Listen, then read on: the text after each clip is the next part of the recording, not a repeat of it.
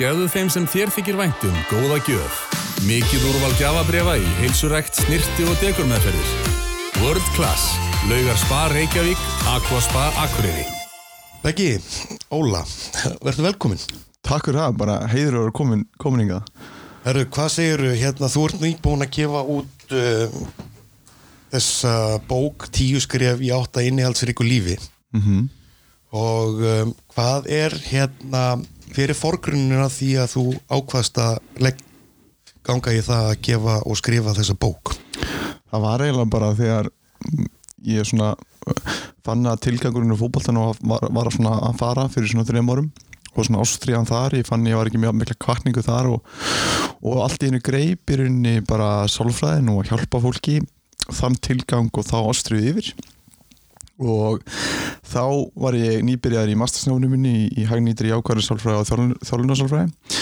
Og þá fekk ég þá snildar við mynd að ég ætlaði að vera svo sniður sko að ég ætlaði að kortleggja hvað einkendi er innihaldsrikt líf á tveimur vikum og ég held að það er rosa einfall og planið var alltaf að eftir þessar tværi vikur þá gæti ég bara verið með svakalega góðan business og ég gæti bara hjálpað öllum að, að hérna, færa snær innansríku lífi. En síðan liður nokkrir klukkutímar og já, kannski eitt fyrir dagar og þá átti ég að máði að herðu, shitunum, þetta er bara miklu, miklu meira en ég held og miklu meira sem að það er spá í og lífi er miklu flóknar heldur í nokkur tíman um, held og það var svo margt sem var hægt að skoða svo margt mikið á upplýsingum Já. svo margt sem ég vissi ekki þannig að það má segja að í dag er ég ennþá að sinna þessu verkefni að kortleika hvað einkennir innihaldsríkt líf og öll svo vinna frá þeim, því augnabliki fór í það að stöddja og læra um hluti sem hjálpa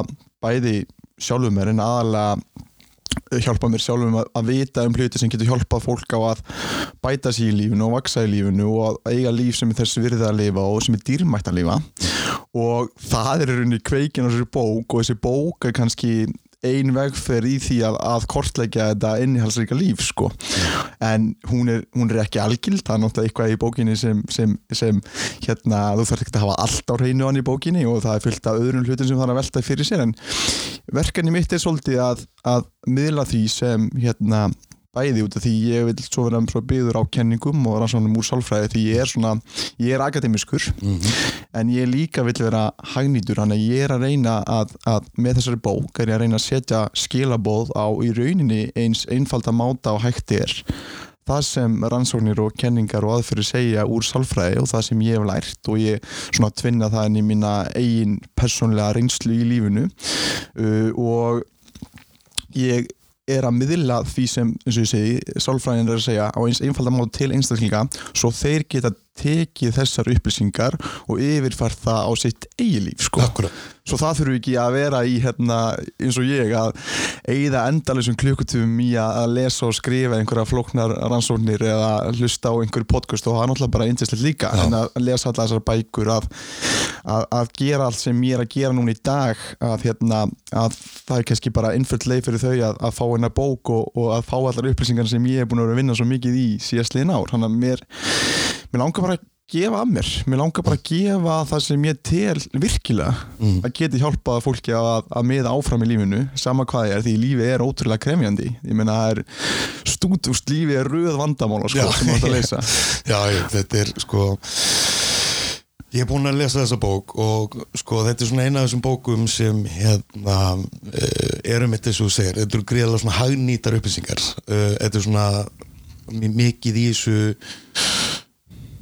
eru atriði sem fólk veit og þekkir en er rosalega góð áminning. Og þetta er svona ein, þú veist, þetta er svona röð hérna atriða það sem sko, það sem veldur því að þú getur ekki lagt hann frá þér. Mm. skilur þú, þetta, þetta, þetta er bara svona virkilega góð og bara svona hot lesning. Og það sem einmitt, eh, það sem ég hef tekið eftir og svona uh, hvað ekkert þér að sko, þú talar svo mikið um þessa meðvitund og eins, eins og þú saðir í bókinu undir miklum áhrifin frá Jordan B. Peterson sem er eh, einmitt eh, einn svona okkar bara mestu hugsuður bara samtímans. Um, að gera sko einmitt að þú veist, eh, þetta personal development að, að bara fá það besta út úr okkur. Um, það er sem þetta eins og eitt kaplinn í bókinni hjá þér. Um, stemd að því að gera betur í dag en þú gerðir í ger um þetta, þú veist, um þetta eina prósent mm -hmm. þú veist, um, hvernig getur þú sagt mér aðeins frá því hvað, hvernig uh, hvernig þú hefur heimfært þessa filosófíu inn á eigilíf Já, ég er náttúrulega bara sko, ég horfi bara heiminn út frá vöxt, út frá að vaksa það er bara einhvern veginn hvernig ég sé heiminn. Ég bara trúi því að að verkefni okkar er að vaksa út lífið og það hættir aldrei. Ég held að við eigum að vera stöðut að vaksa því að þú veist, ef við erum ekki að vaksa þá erum við að staðna og þá líður einhvern vel þegar hann er búin að staðna í langa tíma. Nei. þannig að ég hef svo miklu að trúa því að þegar þú stefnir að því að gera daginn í dag betur en daginn í gær og sama hversu lítið það er og því minna skref því minna skref í rauninu því betra sko. Og að þá myndu mjög líklega að bæta sjálfa ef einbyttið er einhverjum til bara einum hlut þá myndu líklega að finna bæting á þeim hlut sem gerir það að verkum að þú verður betri einslingur, sem gerir það að verkum að þú bætir maka, en þú bætir uh, bönni, þú bætir fólki sem ert að vinna með, þú, þú, þú bætir fólki í kringu þig og veist, þetta, þú veist, þetta er svolítið þessi pælingin sko og það fólk bætir sína vinni og hérna sína fjölskyldu, þannig að þetta, svona, þetta hefur svona margföldunar áhrif út í heiminn. Og ég tel bara að það skiptir svo miklu, miklu meira máli heldur en maður gerir sér sjálfur grein fyrir áhrifun sem ákvarðan sem maður ákveður að taka á hverjum einasta degi, ekki bara fyrir líf sitt heldur fyrir líf allra bara, bara samfélagsins heilsinni sko. Þannig að ég er svo miklu að trúa því að það skipti verulega miklu máli að maður gerir sitt besta í að stefna því að gera daginn í dag betur en daginn í gær. Og hvernig ég hef ég yfirfært það á mitt eigi líf að það er náttúrulega bara að velta fyrir sér hlutum og eiga þannig dag. Því að þegar maður vaknar á daginn þá er allur dagurinn framöndan það er svona, þú veist, þú, þú, þú, þú getur gert það er einhvern veginn, þú getur haft áhrif á hvernig dagurinn spilast fyrir þér, skilur þú, þú bara, þú sérð daginn hann er fullur af einhverju svona möguleikum og eitthvað svona, veist, það er allir sem tala um svona, það býr einhver möguleik getið þér skilur, það tala allir um að segja eitthvað til, það er einhver potential í þér, þú veist, það er eitthvað sem það er eitthvað sem, hérna, þú ert ekki allt sem þú getur orðið, skilur, fattar mig. Og oft erum við að gera eitthvað og þá svona, við erum kannski að horfa á allt í hennu horfum við að heila seríu Netflix, Netflix eða við erum í fimm tíma í símanum og tími líður bara ógeðslega hratt og þá allt í hennu bankar einhver samviska á okkur bara hvað ert að gera? Þú átt að vera að gera eitthvað annað. Þú átt að vera, þú veist hreyfa þig, þú átt að vera með aðteklan á krakkaneinum ekki símanum, þú átt að vera að kannski að lesa í staðin fyrir að horfa á fymta þáttinn, skilur það er eitthvað sem, er eitthvað sem bankar í þig, skilur og það vitir þetta allir, skilur og, og ég er svolítið þú spyrir mig hvernig ég hef yfirfært þessa rödd. Ég er náttúrulega hlustað á þessa rödd sem er stöðið þetta banki í hausinn á mér. Skilur að hérna, þú átt að vera að gera eitthvað annað og þá oft hlusta ég á hana. Og það er eitthvað sem ég hef fyllt í rauninni alla, alla, hérna, alla mínu svona, eftir að mín svona vegferð byrjaði fyrir alvöru. En ég geri bara hluti hvort sem, er, sem, sem hjálpa mér að vaksa hvort sem er að hreyfa mig eða lesa eða skrifa eða, eða, eða hérna og, og þegar ég er að tala um að lesa og skrifa og svona, þá er það náttúrulega að hjálpa í rauninni öðrum því að ég er að gera það til þess að geta miðla til annara eða ég get hjálpað fólki meira í þegar það kemur tímin í þjálfvæðin sálfæði tíma eða þegar ég held fyrirlistar fyrir fólk eða þegar ég fer inn í fyrirtæki og er með teimistjálfun eða stjórnundaþjálfun þannig að í rauninni ég geri allt í mínu valdi til þess að ég, þegar ég fer að sofa að þá hugsa ég bara er þetta var fjári góðu dagur? Hann var krefandi, gerði mjög margt krefandi hann var erfiður en ég gerði eitthvað sem let mig aðeins vaksa í dag og þá hlakka mig til að, að vakna morgun og endur taka leikinn sko. Já, þetta er svona þessi filosofi að þú hefur alltaf val. Já, upp að, að vissmarki þú veist, þetta er sko, talar um einmitt að bankar í mann svona, þú ert að gera eitthvað ákveðin hlut uh, þú ert að horfa á Netflix eða ert á YouTube og ert að gera eitthvað sem er svona ert að kvíla eftir daginn og, og hérna, allt í góðu þú veist að vera á samfélagsmiðlum og þar fram til gottunum en, en sko eins og þú talar um, um sko, ég gerði það. Ég setti þetta niður á blað um, og tók nokkra daga. Um, þar sem þú talar fyrir um á blaðsíu 35 Mm. bókinni. Það voru tímaþjóðir ok. Það var sko að- þarna tengja rosalega margir. En sko það er að segja hvað ertu að gera við tímaðin -hmm. við erum með 365 daga í árunnu 7 daga í vikunni og, og þar er frændu góðanum sko, hver, hversu mikil tími fer í emitt um, sem skilur ekkert eftir sig Mhm. sko, það verður alltaf einhver tími en þegar þú setur þetta svona niður eins og þú skilgreinir þetta Mhm. um, þá einmitt sígur hann alltaf neður og neðar hakan eftir því sem að re- að reikna þetta meira sko. Skilur um, getur sko þannig að ég segja, segja hans frá þessu sko þrjár, hvað voru ekki sex þú tókst fyrir hann sex klukkstundir á dag? Já, sem fara mögulega í samfélagsmiðla horfa sjónvarp uh, eða bara við, eða gera, við, vinna við einhverja eða gera einhverja, aðtatnir sem skilja ekkert eftir sig. Það eru sex klukkustundir á dag sem eru um, opna þetta hérna. 42 klukkustundir á viku. Fjö- og 40 2148 klukkustundir á ári já, sem er 91 sólarhingur Sem sem, er sko 1 fjórða árunu sem er 25% af tímanum sem við höfum hérna. Og ég meina 1 þriði ertu sóandi þannig að 20, með þessu áframaldi ef maður sóa 6 tíma á dag þá er maður að sóa í rauninni hérna 25% af, af tímanum sínum sko. Já, þetta er svona eins og bara sko eins og fólk sé ofta rugglaði saman að hafa mikið að gera og hafa engan tíma. Mm þú getur, haf, þú veist, um, þú getur verið proaktiv -hmm. þú veist, um, hort á hlutina þess í, í samræmi að sko eins og þú tala fyrir uh, eins og ég hef sjálfur gert að vera svolítið skipilaður Mhm. og setja hlutina svolítið sko ekki beint alveg í svona formaða stundaskrá Mhm. en bara vera með smá yfirsýn Já, það einhvern veginn hjálpaði líka bara sko þá veistu hvað þú ert að fara að gera og þá ferði ekki að vinni bara í öllu í einu. Þá veginn nærða fókus og reyti í einu og það er svona meira plan og þá er minni óvissa og svona. Og kannski með hennan tíma veist, ég, ég, ég, ég horfa alveg á lofaland með hennar hildi í kæristum minn á kvöldin sko, veist, en, en hver er tilgangun með þeim tíma, það er bara fyrir mig það er svolítið bara það að slökna hausnum. Já. bara aðeins til að aðeins fyrir söfnin Já. og hérna, ég reynda að nota svona gleru hann ég fæ ekki blái ljós en allavega. Að það er alveg hægt að horfa á þátt með öðrum tilgangi heldur en að vera að sóa tíma skilur og auðvitað ég sóa alveg einhverju tíma, ég er ekki að segja Já, það. ég er að segja að því minni tíma sem maður sóar því betri be- betur gera það fyrir þig í framtíðinni. Því að þú ert ekki bara þú núna. Nei. þú ert líka þú eftir þrjáklugtíma þú ert þú á morgun, þú ert þú eftir viku eftir ár, þú ert ennþá þú. Þannig að það sem þú gerir núna hefur áhrif á þig í framtíðinni. Og svona er ég líka svolítið formataður hausinn mín, hann alltaf þegar ég stend fyrir fyrir ákvörum bara hvernig er nú að fara að áhrif, að hafa áhrif á mig eftir þrjáklugtíma eftir fimm tíma, á morgun, eftir viku eftir ár, eftir fimm ár? Er þetta að fara að fæ- að færa mig fjær eða nær því sem ég vil og málið með þess að tímasvon að því ég tala um það og af því við vorum að tala um svona daglegu hluti að þá er bara þessi, þessi við vorum að tala líka þessum litlu prósendur að þá er þetta þú veist, þessar, litlu breytingar þessar hluti sem hún gerir dagstælega þú veist, segjum að þú minkir síman frá 3 klukkutum í 2 klukkutum og 50 mínútur.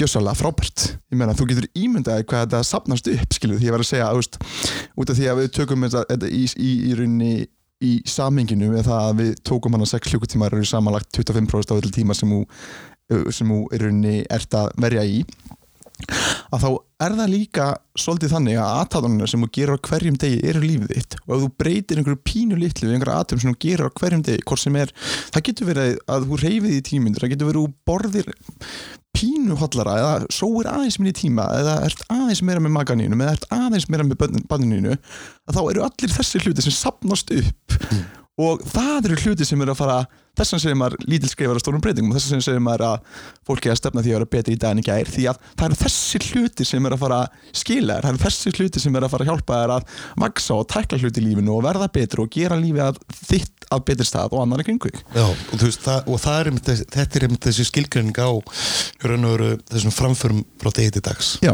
Skilur, þú veist, það er ekki, þetta allt eða ekkert Nei, þú veist, bara alls ekki sko. ef það væri bara svo hérna, gott sko, ef maður gæti bara hérna, veist, við sjáum bara fólk sem er kannski eitthvað og við höldum að það er bara vaknað í daginn og það er bara orðið svona skilur mm. þetta er bara, þetta er áralöng vinna sko. þetta, er bara, þetta er bara sacrifice já, þetta er bara svolítið sacrifice þetta er svolítið að forna því sem er öskráði fyrir það sem hefur tilgang fyrir því sko. algjörlega, algjörlega þú veist, Þannig að- þú veist eins, og, eins og það svo úrst að tala um hérna núna sko, eins og þú talaður um hann í, í forgrunum á, í formálum á bókinni eftir þú varst í talaður um hérna uh, var með þegar þú varst í boltanum. Mhm.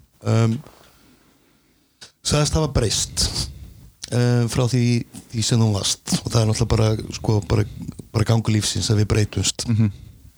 um, hvað var til þess að þú fóst í þessar breytingar? Veist, og, og þú fóst var það bara sko þessi hugssjón sem eftir þú fóst að læra íþróttsálfræðina og þessi hugssjón eins og þú talaður um hérna áðan Mhm. að uh, gefa af þér Mhm. um, til annara og þú, þú fa- fannst einhvern svona tilgang þú, þú veist, þú varst ekki þú varst ekki sami beggi og þú varst fyrir fjórum árum síðan Hei, fúf, guð mér hann mótið maður Það myndi Það myndi hrista hausinn varandi beggarnum sem situr hérna sko Já.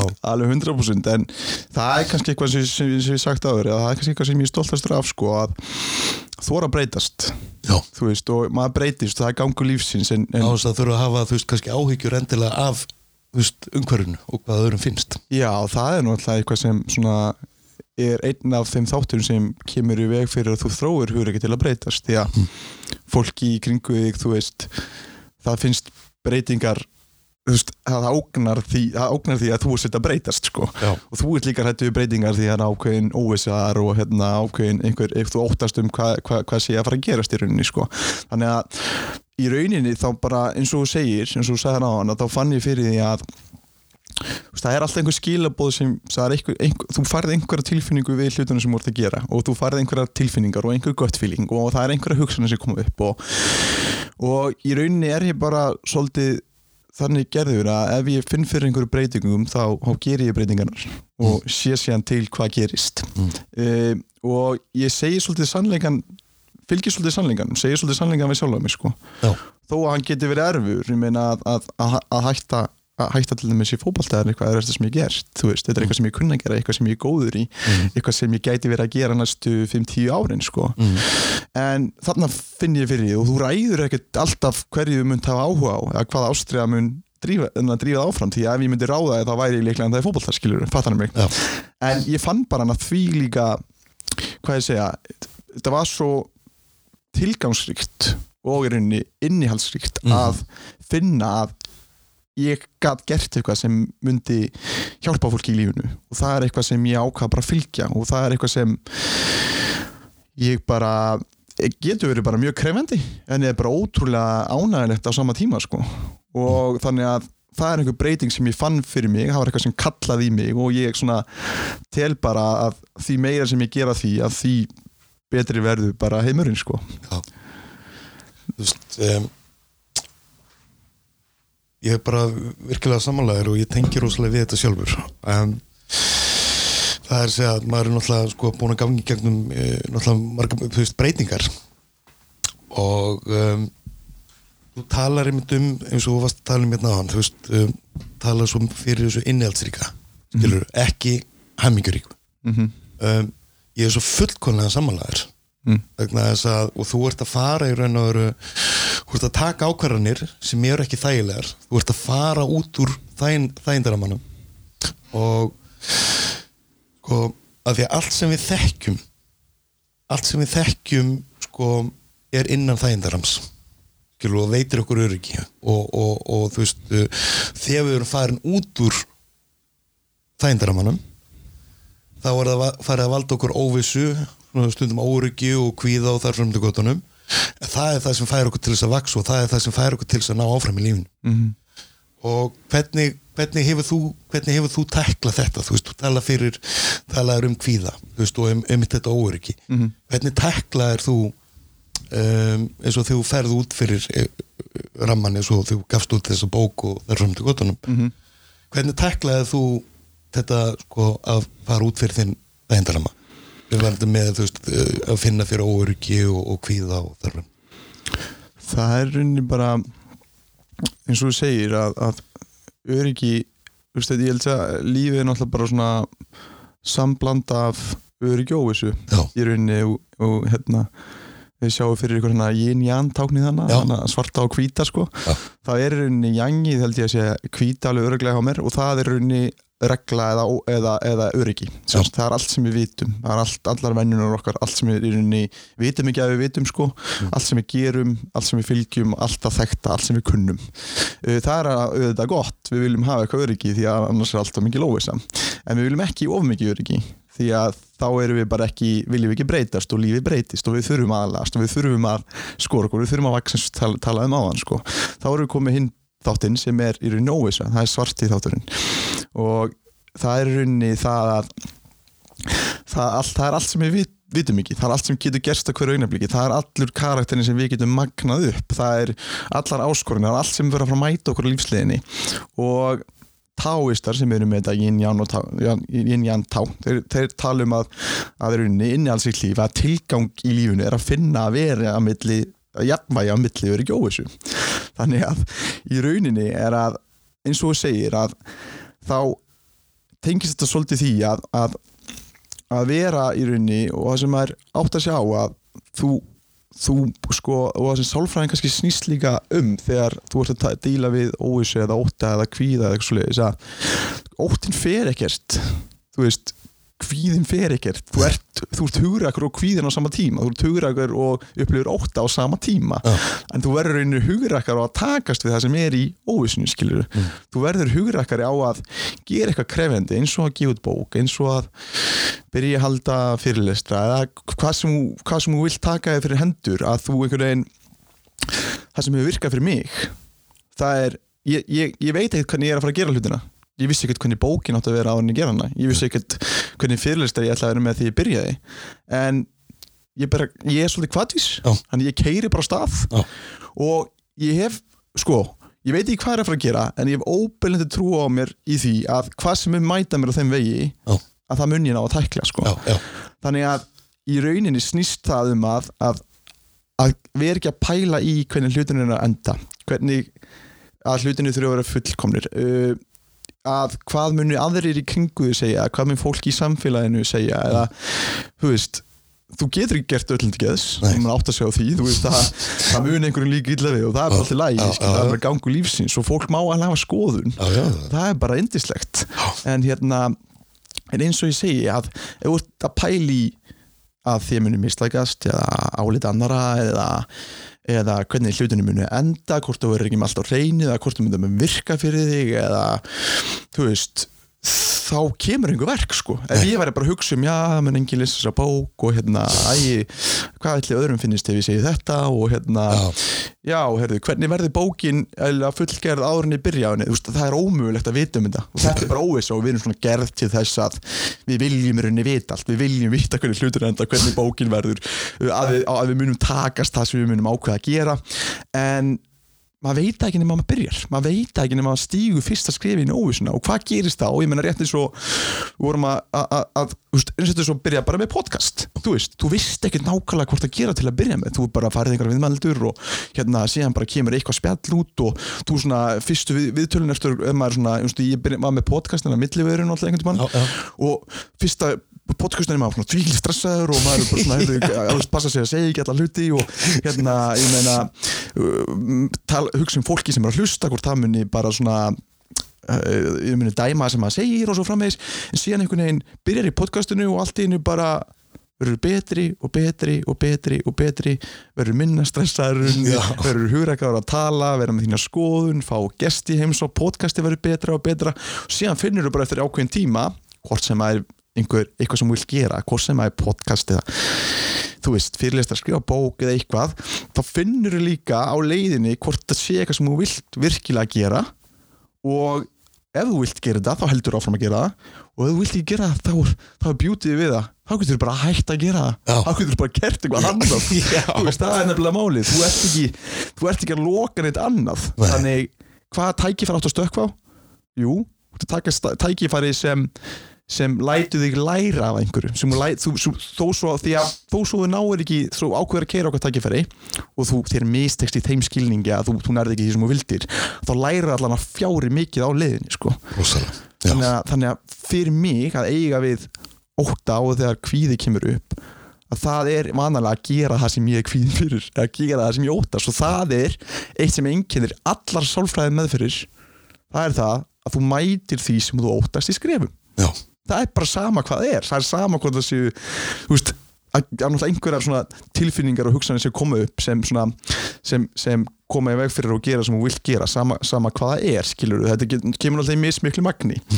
En því að þú ert alltaf að forðast óvissuna, forðast það sem þú óttar forðast hugsanir, forðast tilfinningarnar þá verður þetta allt það saman, verður svo stórt að það verður því meir erfiðar og erfiðar að eiga við þetta allt saman, skilur en ef þú mætið í skrefum, skilur byrja með podcastið, byrja með einhvern fyrirlist prófar að halda fyrirlist, gerir mistök, brennið þig þú veist, lærir að því, heldur áfram finnur hvort að þetta sé eitthvað sem þú vilt gera eða vilt ekki gera að þá lærir á því og þú nærða að í rauninni verða hugurækari gagvart því sem þú óttast já, akkur svona Ætti að segja í raun og vera að þetta sé svona að þú getur meira en þú heldur að þú getur gert.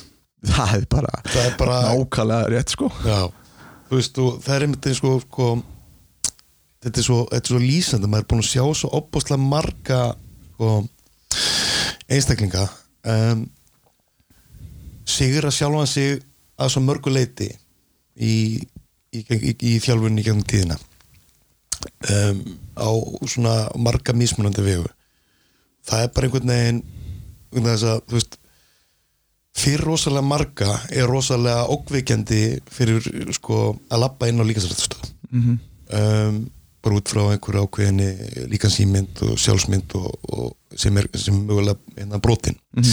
Um, en það sem er brotið og það sem hefur kannski og það sem má bæta, það er alltaf hægt að bæta. Og sko það er bara að segja en saga að sko eins og það sem þú ert að segja hérna og varst að segja hérna rétt á hann að sko þegar fólk sem hefur sem hefur varnagla á sér þegar það lappar inn á líksanættustöð líður ekki vel, það er rosalega meðvitað um sjálft sig og, og hérna er að stíga inn í óttan því oftar sem það mætir því betur ferði að líða vegna þess að það er að finna það innra með sér að það er að gera meira en það kjælt að það gæti og, og það sem þú talaður um hérna líka þann það er einmitt þetta sko þessi tilfinning að vita að og sjá bætingarnar og upplifa bætingarnar sama hverja, hverja þær eru þá eru þetta sko það er búið að horfast í augu við óttan og það er alltaf ganga betur lífinu Mhm. þú veist, mataræðir er betra það er reyfa sig, það séfu betur félagslega samskipti eru betri og bara biológisk hérna, atriði eru bara, hérna, bara, eru bara flæðandi betur. Þannig að sko þetta er, þetta er allt svo þetta eru veru sko keðjan er aldrei sterkari veikast í lekkurinn.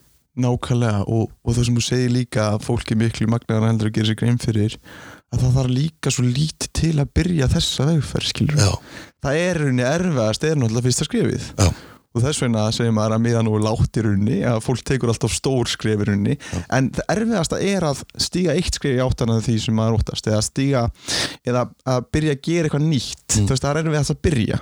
En síðan eins og þú segir, einhver mætir í ræktina og fyrsta skiptinu er erfiðar og erfiðari síðan einhvern veginn finnur hún bara eins og einslíkur, finnur allt inni fyrir hún að bæta sér í ræktinni, hún finnur hann líður örgla betur og hún er að ná að lappa lengur eða hlaupa lengur eða lifta aðeins þingra eða oftar og finnur að hún er með betra þrek og svo framvegis þá finnur hún bara, herðu, wow, ok hérna, ég gæti bætt mér í ræktinni hvað hérna, hvað hva annað get ég bætt? Þá fyrir hún að velta fyrir sig líka bara þú veist, eins og þú segir, auðvitað mun svefni breytast þú reyfið þig, en þá fyrir hún að pæla í mataræðinu og þá fyrir hún að pæla í félagslegu tengslu sínum og svefninu sínum og framvegis, þannig að eins og heimur þegar fólk finnur bæting einhver einu, þá opnast einhver heimur fyrir þeim, því að trú og eigin getu eikst, þá finnur það að það er ekki bara fasti stein hvað getur gert og hvað getur ekki gert Nei. heldur getur þú gert, þú gert eitthvað ákveðið sem færi því nær því að verða þessi magnaði einsleikur sem býr í rauninni inni er sko. þannig að mér finnst það svo indislegt að sjá fólk sem tekur eitt skrif í áttan þessa vegferð og, og miðar upp á við því að, því að það er ekki þú veist einstakinu sem þú ert núna það er, það er það er svo margt meira spunnið í hann alveg. svo að það getur verið ótrúlega krefandi vegferð og, og hérna, sérstaklega fyrstu skrifin sko, alveg 100% sko. já, sérstaklega þegar þú veist, kannski talandi reyfingu þegar einhverju einstaklingar eru kannski bara búin að loka á þetta já, skilur þú veist eins og sá núna bara hérna hjá einum einstakling um, núna er hún búin að vera að fara út að ganga á hverjum einasta degi í rúmar í, í, nei, í að vera þrjár vikur.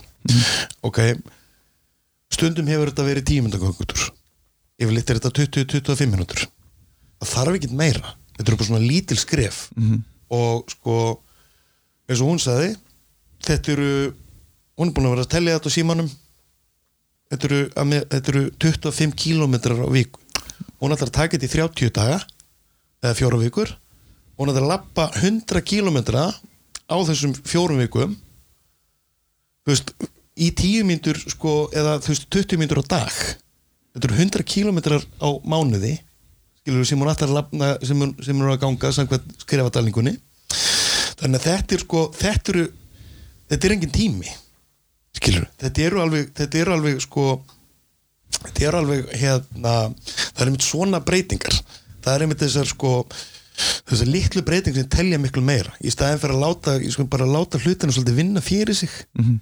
við, þannig við séum ekki alltaf bara að, að hérna setja fyrir okkur að sko ég þarf og ég verð setja á okkur einhver svona óþarfa pressu sem, dref, sem, sem það grefur alltaf undan, á undan. mm Þetta er yndisleg pæling, þetta er bara sem tengist í rauninni ímyndar og árið er þetta sko þú 1200 km sko, þú veist. þetta er svo, og þetta, svo þú talar um þetta er 20 mínútur, þetta er 20 mínútur af, af deginum sko, sem virðist ekki vera, ef þú hugsaður út já, 20 mínútur er ekki neitt maður, en þetta er heilmikið þetta er heil mikið og sum, sum myndu segja með 20 myndu að það tekur þig ekki skilur það er bara, það er náttúrulega göngutúr það er náttúrulega bara mínum að þetta er bara ein bara vannmettnasta æfing bara sem fyrir finnst. Vá, þetta ég, ég, ég er, það er ekki langt síðan uppgötaði gungutúra sko, nei, og þeir eru yndislega sko, þeir eru bara indisleg bara sko, það er bara þetta er sko bara, þú veist eins og til dæmis, ég fer ro- hérna, sko, rosaloft bara í kvöldgöngur. Mhm. og því þá skil ég bara síman eftir.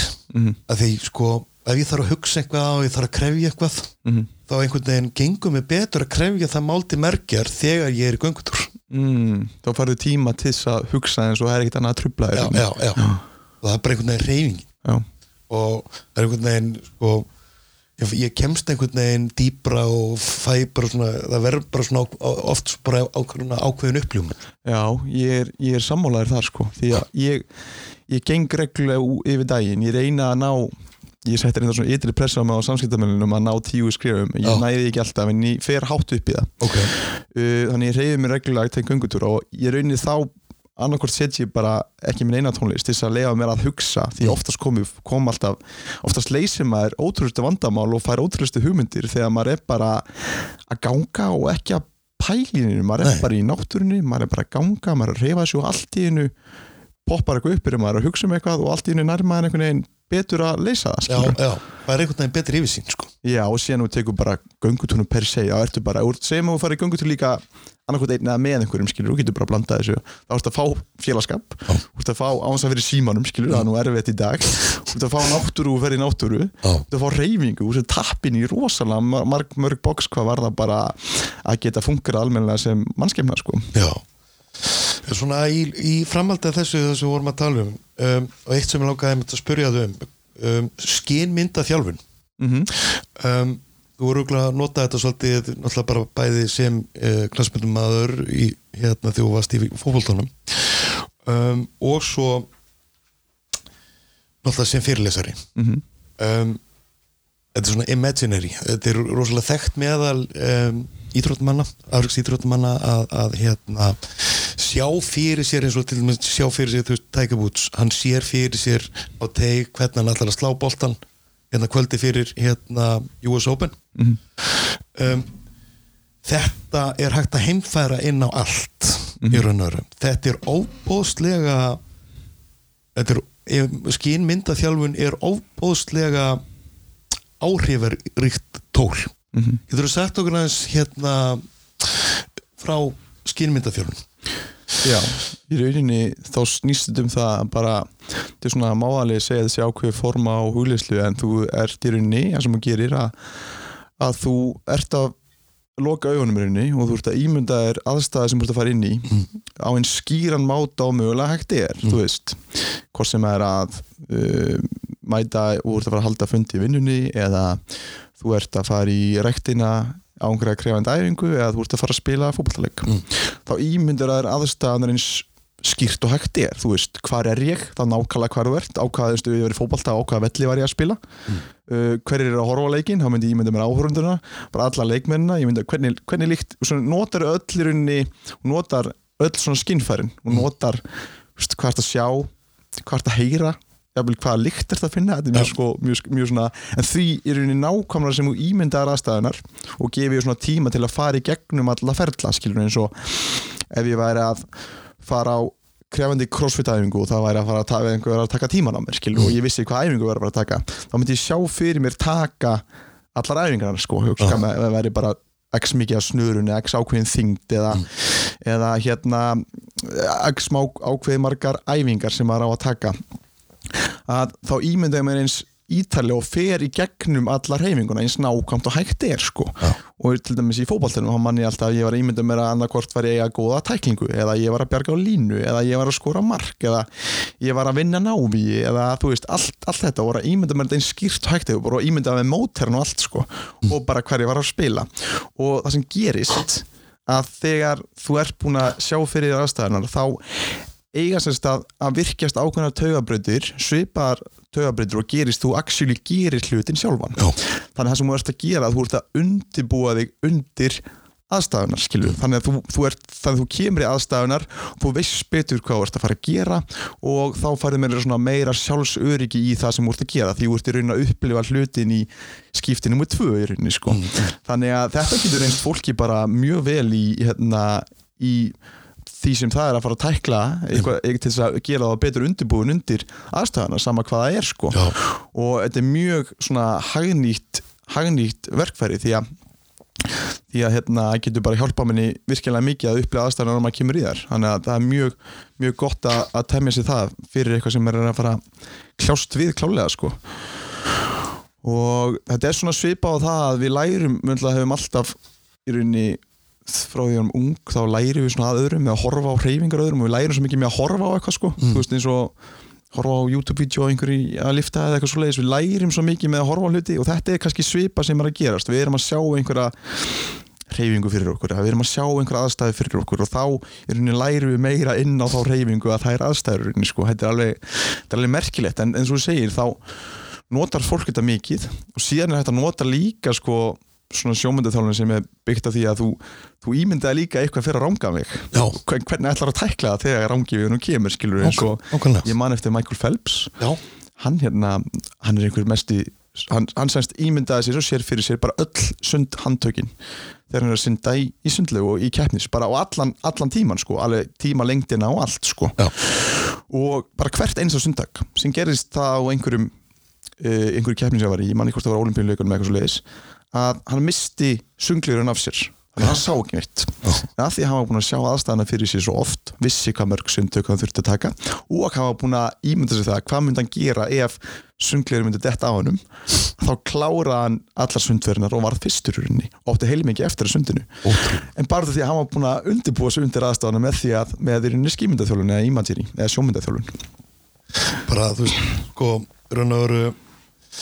ekki líklegt að þetta gerist en þetta gerðist, skilur við þú veist, og náttúrulega Michael Phelps er bara, þetta er ótrúlegur einstaklingur þú veist. Um, en einmitt að sjá fyrir sér eitthvað sem mögulega getur mögulega getur gerst skilur við að vera svona proactive að þú veist, vera fyrirbyggjandi mm er sko bara e e eitt af vermaðust tólum sem maður hérna getur tilengar sér. -hmm. skilur, að því að þú veist um, margir segja þú veist, se- selja sér það að, að maður sé sko, nei þetta gerist ekkert þetta gerist ekkert fyrir mig, skilur Mhm. þú veist um, og svo, svo gerast hlutinir og hvað allar þá til bráðs að taka? En þá ertu komin í veist, þú, það, það kemur eitthvað fyrir þig skilur, og gerist eitthvað fyrir þig. Þá ertu komin í virkilega svona óþægilegar aðstæður þar sem þú ert mögulega varnalaus Mhm. ef þú ert ekki búin að, að hérna og ert ekki búin að sko undirbúa þig Mhm. skilur við undirbúa það þú veist hvernig, hvernig þú ætlar að bregðast við aðstæðum Mhm. um, þetta er einmitt svolítið partur af því einmitt að þekkja sjálfa sig Mhm. og eftir því sem sko maður fer að pæla meira í svona hlutum þá er þetta sko svona tengt við það sem ég er að vinna við og er að starfa við eins og, eins og þú veist líka bara sjálfur að hvernig maður hvað telur rosalega mikið veist, að, að þekkja sjálfa sig þú veist, og, og, og, og hjálpa fólki að sko, eins og við tölum um hérna þú veist, Jose Mourinho skilur, hann er ekki, þegar hann var að þjálfa Real Madrid Mhm. um, þá var hann ekki að kenna Ronaldo að spila, spila fótbolta Mhm. Hann var að, þú veist, hann var að þjálf, hann var þjálfari Ronaldo og þú veist, og sem myndi halda kannski að Ronaldo þyrst ekki, þyrst ekki þjálfara Mhm. að hann er svo góður í fótbolta en bara málið er að hann þarf þjálfara til þess að stýra sér til þess að við, við þetta rétta veginn Mhm. það er ekki að kenna honum að þetta er svona svipað eins og um, þegar ég var að þjálfa hérna einstaklingar sem voru að kepp, keppa í fitnessinu Mhm. um, ég þurfti ekki að kenna um uh, einstaklingar sem bara kunna að lifta gilur ég þurfti ekki að kenna um basically hreyfingarnar Mhm. gilur þú þurfti ekki að kenna, en að, en að kenna, þeim að lifta Mhm. uh, og þú þurfti ekki að kenna þeim í raun og vera að borða rétt eða, eða þar fram til gottunum heldur er þetta líka og heldur er þetta líka bara að hjálpa einstaklingi að finna og draga fram það besta í sjálfum sér Já, að- getur þú sett mér frá sko, einmitt eins og að þekkja sjálfum sig Mhm. um, hvernig, hvernig skilgreinur það? Það er rosa, rosa margt eins og þú segir það líka þú veist að svo talar um áðan að vera proaktiv og vitandi hvað maður vill gera og hvernig það sé að vera undirbúa möndi framtíðinni sko. Það eru auðvitað að vita í rauninni hvað maður vill standa fyrir Mm. þú veist, það er að vita hvernig sín maður hefur á heiminn, hvernig, hver eru gildi manns og svo framvegis. Um, það er náttúrulega að læra þekkin á hvað, hvað tilfinningar er að gefa hvaða skilabóð og, og, vita hva, hverju þú hefur áhuga á hvað, hvað þú vilt virkilega gera og, og hvað þú óttast og hvað þú ert þakkláttu fyrir og hérna, hvernig líður líður með fólki. En síðan er það sem ég kannski reyna að kortleggja í, í bókinni er að það er að bæði í rauninni fyrstalega að þekkja í rauninni þína skuggalið sem eru svona einhverjir eiginleikar við persónuleika en sem þú veist ekki í rauninni af sem þú hefur kannski bælt niður uh, svona ómeðvitaðar eiginleika við persónuleika en sem þú hefur kannski svona þrýst niður út af hugsalega einhverju. Og að það séu kannski eiginleika við þig sem eru kannski ekki góður eiginleika við þig og þú vilt ekki viðurkenna þá því að þetta er einhver eiginleikar sem þú heldur að þú hefur ekki. En þá til dæmis fara þeir að snúast í andkurinu sína og hafa meiri áhrif á því heldur en þú gerir í grimm fyrir því að þú veist ekki að þeir eru að hafa áhrif á þig í rauninni sko. Veist, og það getur verið og því við höldum öll að við séum þessar góðu manneskjur sko, Já. að við séum bara 100% góða manneskjan en við erum það bara potið ekki sko. Veist, það eru fullt af eiginleika við mann sem eru kannski ekki góðir. Og þá er það kannski gott að vera meðvitaður um þá eiginleika sem, sem og það er ótrúlega erfitt að vera meðvitaður um þá eiginleika sem Maður eru þessir óákjósalegu eiginleika við persónuleika en sem, sem þú þrýstir niður. Það er gott að vera meðvitaður um þá því að þá getur þú dreigið úr þeim eða þú getur notað á sem einhvers konar svona vopn, vopn í lífinu sko. og það ekki just því að eins og við ímyndum okkur bara eins og ég svo sem nefni í, í bókinu líka eins og ef við lítur á bara Auschwitz að þá hérna, ímyndum okkur alltaf sko þegar við sjáum okkur fyrir okkur í búðunum og þá ímyndum við sjáum alltaf sjónarhótt fangana sko eins og við séum þar í fang, fang, fanganir sko. Já. en hvað lætur okkur halda að við séum ekki bara fangaverðinir sko? Því það varum bara vennilegir einsleikur svo ég og þú sko. Þannig að það er einhver ég held að séu takmarkanir við alla. Þú veist maður er veist ég er, get verið, ég er náttúrulega hundþróskur og, og get verið sjálfselskur og það máli ræða sjálfselskuna sem ég er átt að máli Já. hvort það sé sjálfselska sem ég er að gera því það sem ég er að gera er til að hjálpa öðru fólki sko, þó þessi sjálfselskur er mitt sko, þannig að það er svona tvíekja Já. tvíekja sér sko, en ég minna ég get verið gráður og, uh, og sumir eru kannski bara afbríðsamir eða óbætisfullir eða fjandsamir svoleiðis og þá er bara gott að vita því og við ekki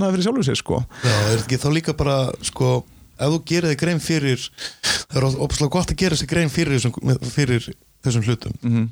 og ef maður er meðvitaður um þá sem er náttúrulega bara, þá er það bara opslega gott. Mm og, og að mínum þetta er bara nöðsilegt -hmm. En hvernig sko um, er þá ekki nöðsynlegt að, að hérna, reyna að tilenga sér einhver aðferði til þess að, að draga úr þessum eiginlengum Jú, það er náttúrulega bara með eins og við tölum um, það er bara aukin meðvutund um það. Já. þú veist, það er að sjá hvernig í rauninni því að þetta hefur svolítið áhrif á hvernig ákvarðinu þú tekur og hvernig þú bregst við öðru fólki aðstæðum og hvernig, já, og hvernig þú dæmir og setur út á aðra. Það er einn bestu skilabóð sem við getum fengið með hérna ef þú ert að í rauninni að að setja út á aðra að dæma aðra eða, dæm, eða hérna gaggrina aðra að þá er mjög líklegt að það sé tengt einhverjum skugga hjá þér sko, einhverju sviði sem þú ert í rauninni órugur á sko. Já, og það getur verið skilabóð til dæmis að, að það sé einhver skuggi sem er að hérna, uh, sem er að eiga sér stað. En síðan er það bara að vera meðvitaður um í aðstæðum þú veist, þegar maður bregst einhvern veginn öðru sér við. Þú veist, hvað gerði það að verkum að ég brást svona við? Þetta var bara komment frá einhverjum í ræktinni eða, eða þú veist, ég allt í hennu bipað á, á bílinn fyrir að mig, veitu, hvað er í gangi þarna? Þú veist, sem svínaði fyrir að mig eða ég sagði þessum, ég sagði eitthvað sem ég átti ekki að segja og svona, hvað var það við skilabóðin frá manneskinu eða aðstæðunar sem let mig bregðast svona við, skilur en auðvitað þurfa allir að fara í sem fara í þessa vinnu þurfa náttúrulega eins að fara varlega því að þetta er svona gæti verið tengt einhverjum svona áföllum og okkur svoleiði sem er að, það er einhver ástæði fyrir okkur maður þrýstir sér niður líka. Já, þannig að, að, að sjá hvernig maður bregst við aðstæðum og hvernig maður er að, að dæma aðra í rauninni er, er, er góð skilabóðum að það sé í rauninni þessi ómeðviti eðilega við persónuleika en að tala. Og síðan líka bara fá endurgjöf hjá fólkinu sem úr í kringum sko. hvað, hérna, hvað er það sem um, þetta var að spyrja maka sína þú veist, hvað er það svona við mig sem ég finnst svona eitthvað svona sem ég gæti ekki verið meðvitaður um eitthvað sem ég geri, svona eitthvað sem svona, hvað er það við persónuleika minn sem ég sem er kannski ekki gott, sem ég er ekki meðvitaður um, hvað Já, ger ég já. og það getur ógeðslega erfitt að horfast í augu við þetta og einhver segir þig kannski við þig eitthvað slæmt sem þú gerir eða eitthvað sem þú hefur ekki tekið eftir þú gerir skilur, Mm. því að fæstir taka ekki eftir þessu sko. Nei, en það getur ótrúlega erfitt að fá eitthvað svona komment eða átta sig á þessu en, en mér finnst þetta svo skemmtileg vinna sko. ég er alltaf að grípa sjálf á mig sko. Mm. alltaf að grípa að þú veist, ég held alltaf að ég þekki sjálf á mig rosa vel sko, en það, það bara verkur út lífið og svo allt sko. Já, já, veist, já. það er einhver aðstæði sem ná- Constantly, sko. já, það var einhver aðstæði sem ná til mín og ég er bara svona shit, betur hvað var það hann sem bara gjössalega greip mig núna sko. Og maður er alltaf að lenda í því sko. þannig að það er, það er beauty við það, er líka hlutur að vaksa, það er að þekkja, þekkja sjálfur sér betur og, og ná betur inn í stjórna sjálfur sér sko, en síðan talaði náttúrulega líka um að, að endin á sjálfstöðingu að, mínum að það sem ég reyna að kortleika hann í bókina náttúrulega bara svona þekkja sína góður liða líka sko, Já, þekkja já. sína styrklíka og hvað maður er góður í sko. já, einmitt og, og sko, að því við erum við erum einmitt svo gjörn á það að vera upptekinn og horfa meira í svona einmitt þessar skuggalíðar og ókostun okkar að ég er svona bara og ég er svona eins einn en við erum virðust vera meira feimin við að, að, að hérna horfa í styrkleikan okkar. Það er ótrúlegt við því sko. Að fólk bara og því ég, ég spyr stundum bara hérna fólk sem hefur kannski búið að segja þetta er að mér, þetta er að mér, þetta setur liðin á mér hérna í þjálfnarsálfæð tíma og síðan spyr ég já ok, en hvað er gott við þig? Hvaða styrklíka hefur þið, þá bara allt í henni fyrir fólk bara bara lás bara svolítið kerfi og bara svona gott við mig, byrju, ég hef nú ekki byrju, ha, gott við mig, já ok, já ég er, ég er nú hérna. Ég er góður og við aðra og ég er góður vinur og ég er ábyrgur fjölskyldufæður og ég er alveg forvitin og ég hef ágættis húmor. Og ég herði bara, herðu hann er bara fullt gott við mig. Og það var bara svona lifnað einhvern veginn í fólki en fólki finnst það alveg ógisla óþægilegt sko. og, hérna, og, og síðan hugsa maður bara af hverju er óþægilegt að tala um einhverja góða eiginleika við sig, af hverju er það okkur á það að vera óþægilegt? Er það ekki alls sem við eigum að vera að gera miklu meira af? Jú, en er það ekki kannski, er þetta mögulega kannski út af því að um, út af einhver ákveðinu meðvirkni út frá því sem við erum búin að tilenga okkur sem samfélag? Þú veist, að vera ekki að setja okkur á einhvern ákveðin stall eða Já, kannski að fólk sér rættu að lúkja eins og þessi of gott messi Já, eða eitthvað já, sko. já, það getur það getur meira en vel verið sko. Mér finnst bara svo ósangjandi eins og þú segir að í rauninni maður er duglegur að taka draga sér niður fyrir takmarkana sem maður er með Já. sem maður er meðveitaður um og þessi en mála á, ákveð er það Við er maður miklu meðvitaður um sko, eða fólk margi hverjir svona meðvitaður oft tíðum meira um þessar takmarkanir heldur en þessar styrkleika því ég held að sé bara innbyggt í okkur Já. sé innbyggt í okkur að út frá bara innbytt í okkur út frá samfélaginu sem við erum búin að þróa einhvern veginn með okkur eða? ég myndi halda í með þessi meira innbyggt í bara hvernig við þróumst sko. Já, meira við það að þú veist við erum miklu gjarnar á að, að taka eftir því neikvæða, eitthvað sem að við erum miklu líklega til að taka eftir einhverjum, sem, einhverjum ógnum sem gætu mögulega valdi okkur skada í rauninni.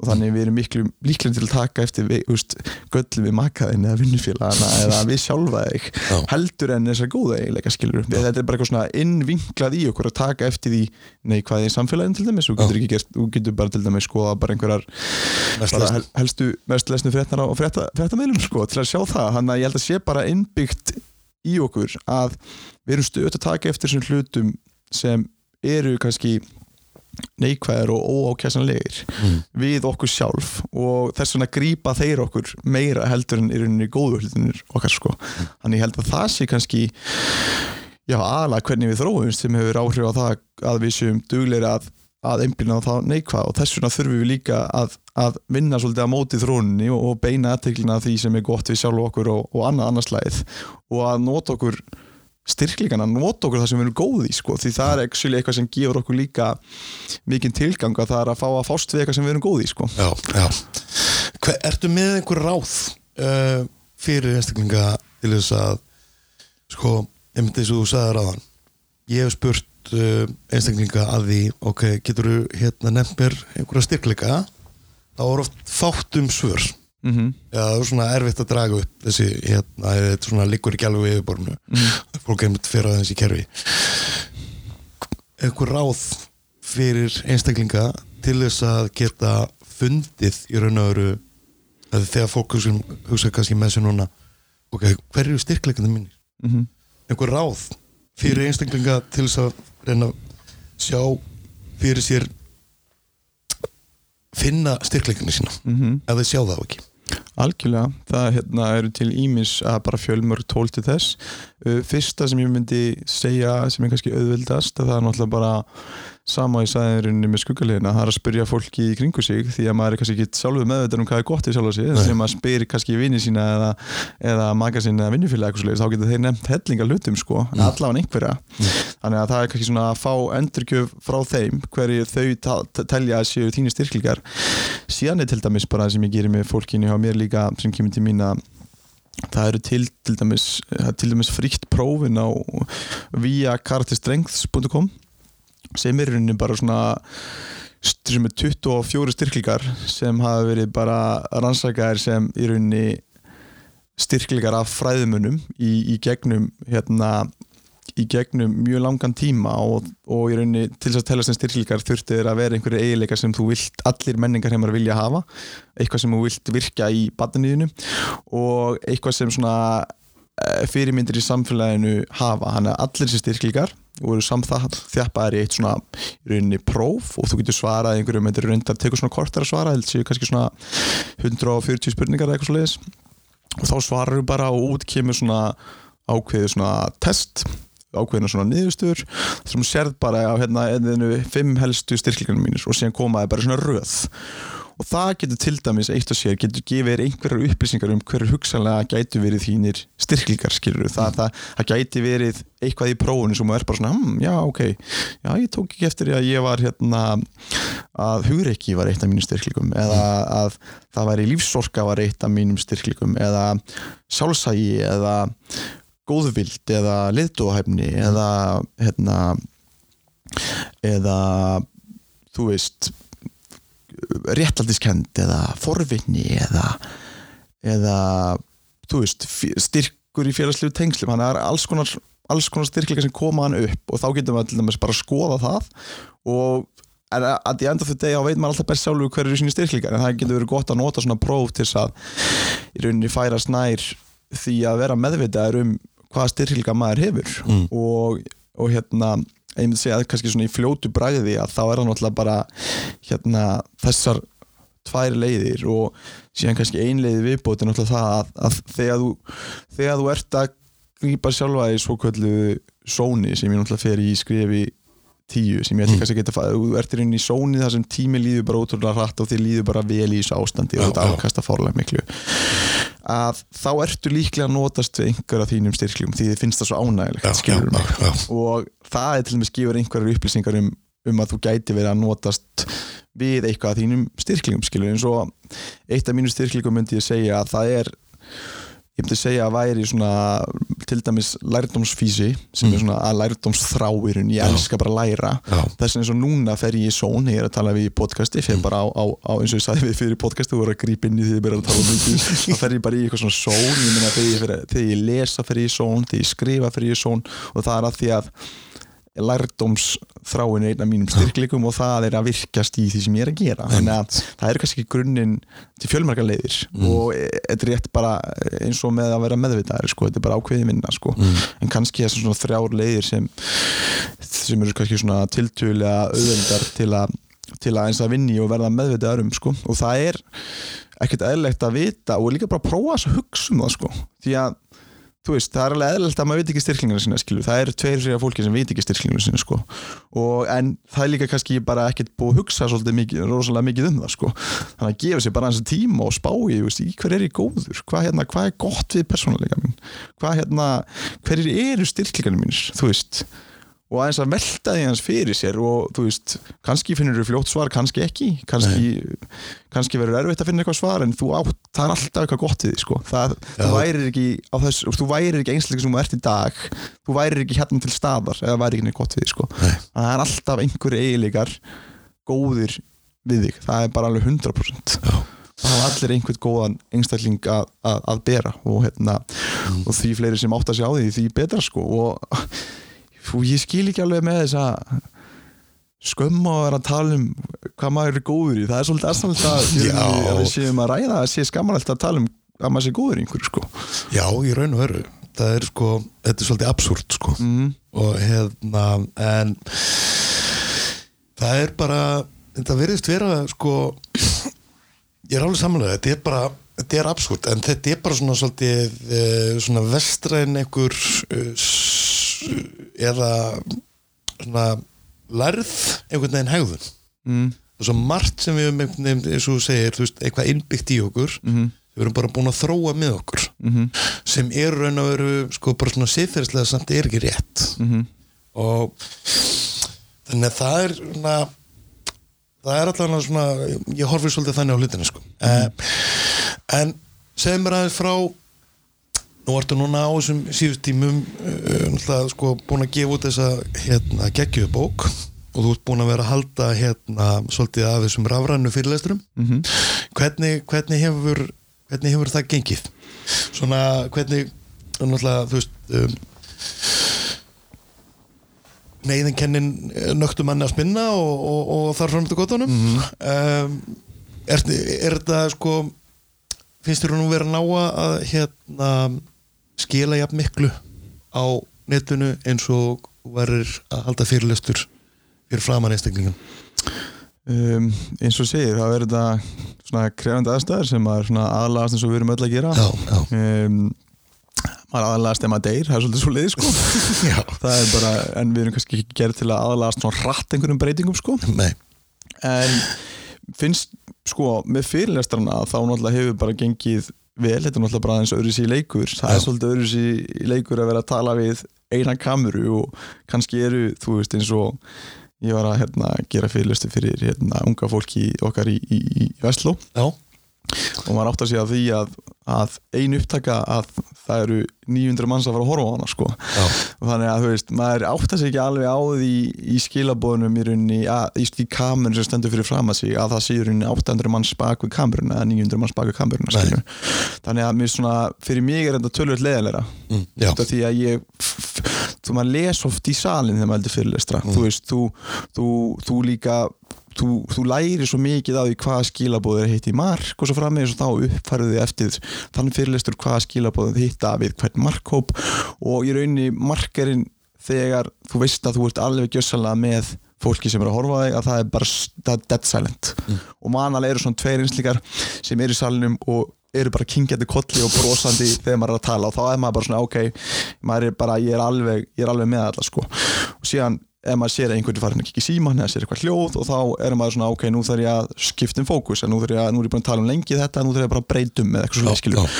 þannig að það er rosa mikið sem þú lest í salin og rosa mikið sem þú læra því að halda fyrirlestra skilur Mm, uh, sem hjálpa þær að ná betur skilabónum þínum til einstaklinga í framtíðin í rauninni sko þannig að þessi leikur Tölvöld leiðileg eins og segi ég hérna, mér er svo gaman að hitta fólk og Já. að vera í rauninni mista hluti af, af þessu sem ég geri að Já. það er að vera í kringu fólk og það er að sjá fólk lifna við þegar maður talar og það er, mað, ég tel mér svona tel það miklu skemmtilegra og svona uh, áhrifaríkara en síðan eru bara breyti tímar og ég vona bara innilega að og ég, ég samt er með sömu ástriðu að gera þetta mér finnst þetta alveg, mér finnst þetta alveg, þú veist mér finnst þetta alveg ótrúlega gaman sko. Mhm.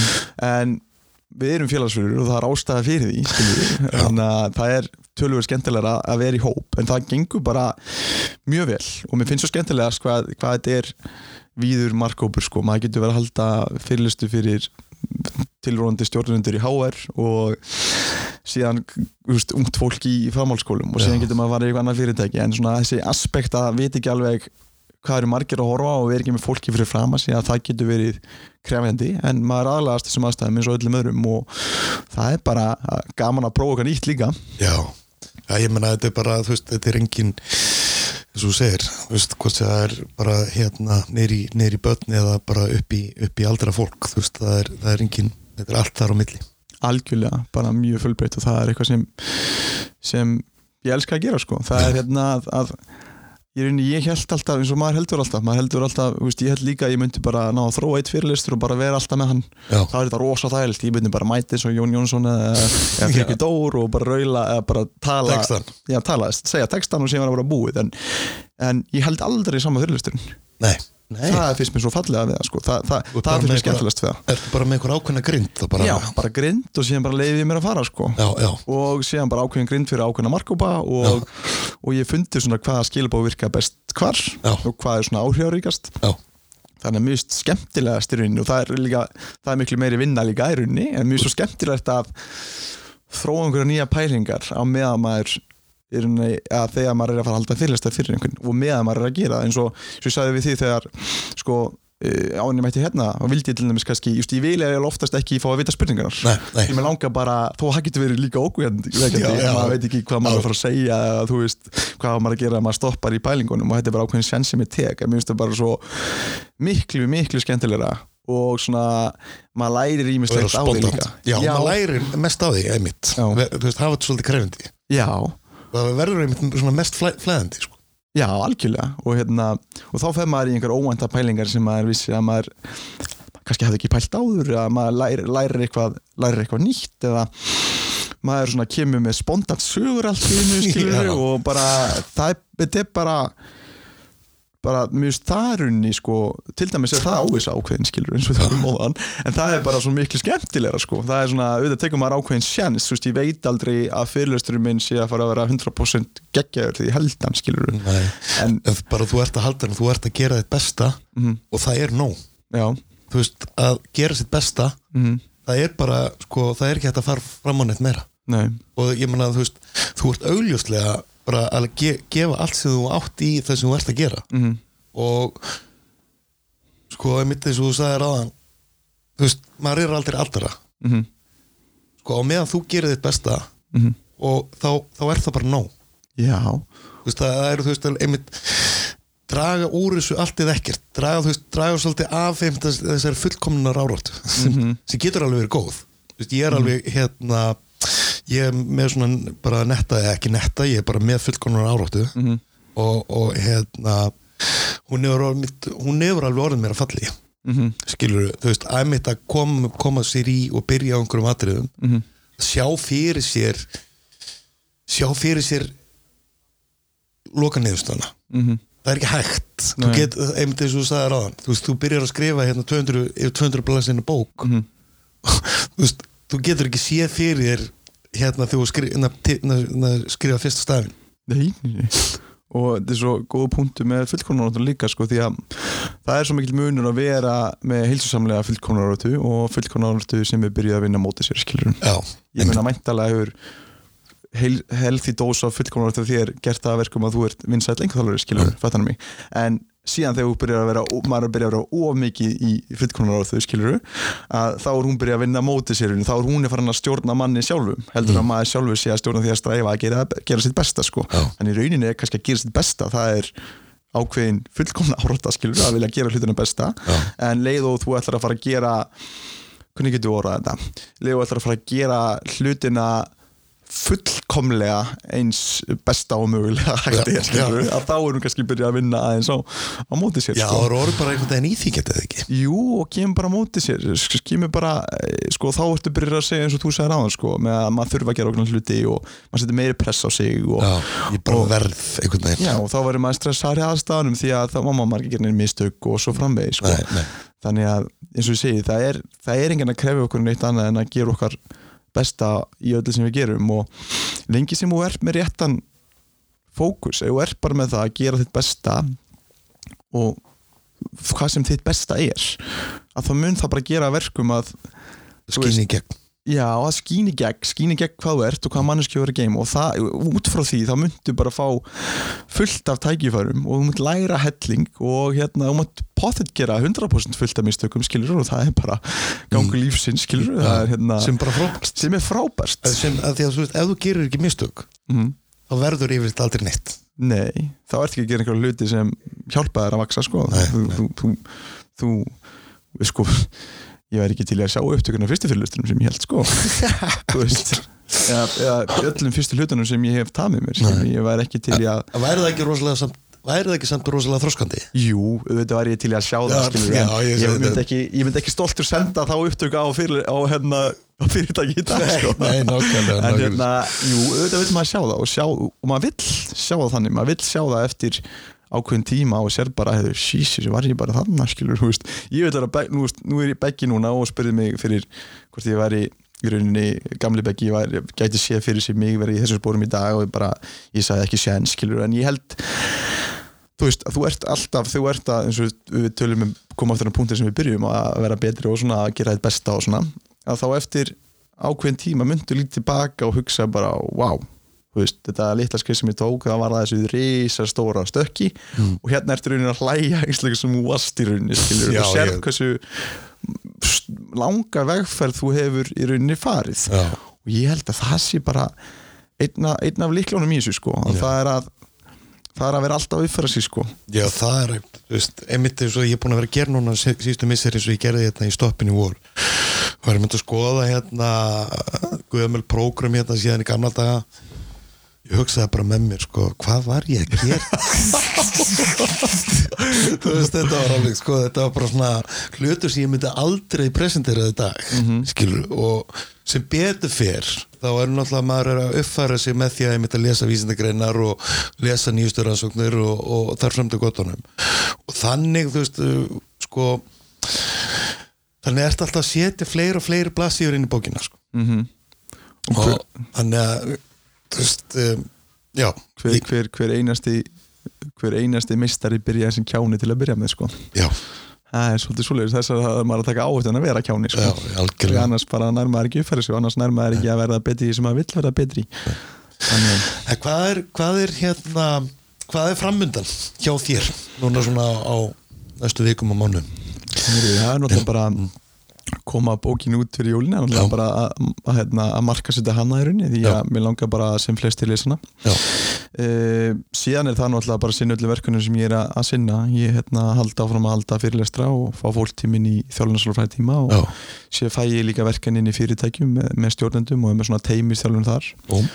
og það er að halda áfram að sinna þeim boltum og hérna síðan eh, hérna byrja ég, er, er ég búin að taka upp námskeið sem ég ætla að setja í gangi í janúar svona rafrænt námskeið og halda áfram að, hérna, að gera sem ég er að gera sko, að hérna, halda áfram að lesa sem veikum í áhuga Já. halda áfram að skrifa, halda áfram að betur um bæta allt sem ég er að gera svo ég geti sint því á betri máta. Þú ert auglustlega ekki að staðna sko.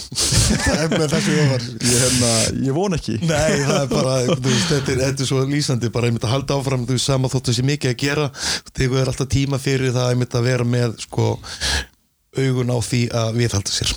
Já. það er, það er nefnilega, sko, í svona starfi eins og þú ert í og eins og ég er í það er rosalega auðvilt að detta í stöðnun mm og það er einmitt það sem ég er búin að vera að gera núna og nýta tíman í það er einmitt að vera að lesa og pæla og, Mhm. og hérna uh, sko bara uppdeita sig -hmm. og það er bara það er ekki síður mikilvægt en að sinna vinninni ef þú ætlar að sinna áfram Já, algjörlega og líka þú veist hvað sem maður kannski tengir aðeins við þetta þú veist það er ég hef alltaf miklu meira gaman að ferlinu að láta hlutina vera veruleika heldur en þeir verða veruleika.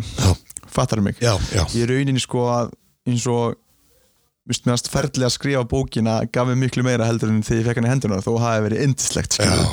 Já en þá einhvern veginn bara lærdómurinn og, og allt þetta sko að, að þið voru að og margir kannski býða eftir að það verði eitthvað að veruleika sem er að fara að gera að býða eftir að þú komast þarna stað og þá myndu vera ánæður eða sáttu með þig. En einhvern veginn því ég finna að, eins og segi, því ég finna að ég er að gera eitthvað sem er að betur en bæta í því sem ég er að gera þá, þá finn ég miklu meiri ánægi heldur en ég gerir hlutin sko, mér er svo gaman að mér er svo miklu skemmtilega að halda fyrirlustan heldur en eftir hann skilur, Mhm. þó að sé gaman að klára fyrirlustan, mér er svo miklu skemmtilega að vera í fyrirlustan og öllum Það svona líður bara, undirbúningu til það. líður bara betur eftir á þegar þú ert komið með einhvern veginn afurina Já, en, auðvitað. En þú veist, ég, er, ég tengi rosalega við þetta. Þú veist, þetta er, svo, þetta er svona svipað og, mér finnst rosalega gaman að, að- að vera í þjálfunartíma. Já, skilur með einstakning og, og þú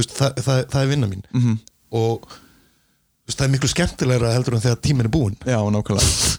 Já, algjörlega sko. Þannig að, og já, 100% en sko þú ert á, hérna, þú ert heldur úti vefsíðunni uh, beggjólas.com mm og þú ert á Instagram -hmm. undir Beggi Ólafs á Beggi Ólafs á Instagram og, og LinkedIn. Já. og já, beggjólas.com ég hef hérna nýbúin að uppfæra heimur sína mína þannig að bara gaman að hérna, gaman að fólk myndi kíkja hana Herðu Beggi, mm. það var bara indislegt að spjalla þig. Herðu, það var bara bara heiður, að bara eins og sé byrjun heiður að fá að koma og mjög gaman að spjalla þig og vonandi að að það hefur einhver, einhver allavega einhver, einhver, ef einhver er ennþá að hlusta og allavega var það gott í aðtala ég vona það Já, ég er bara, sko, ég er ekki nokkrum af Það takk fyrir mig. Takk fyrir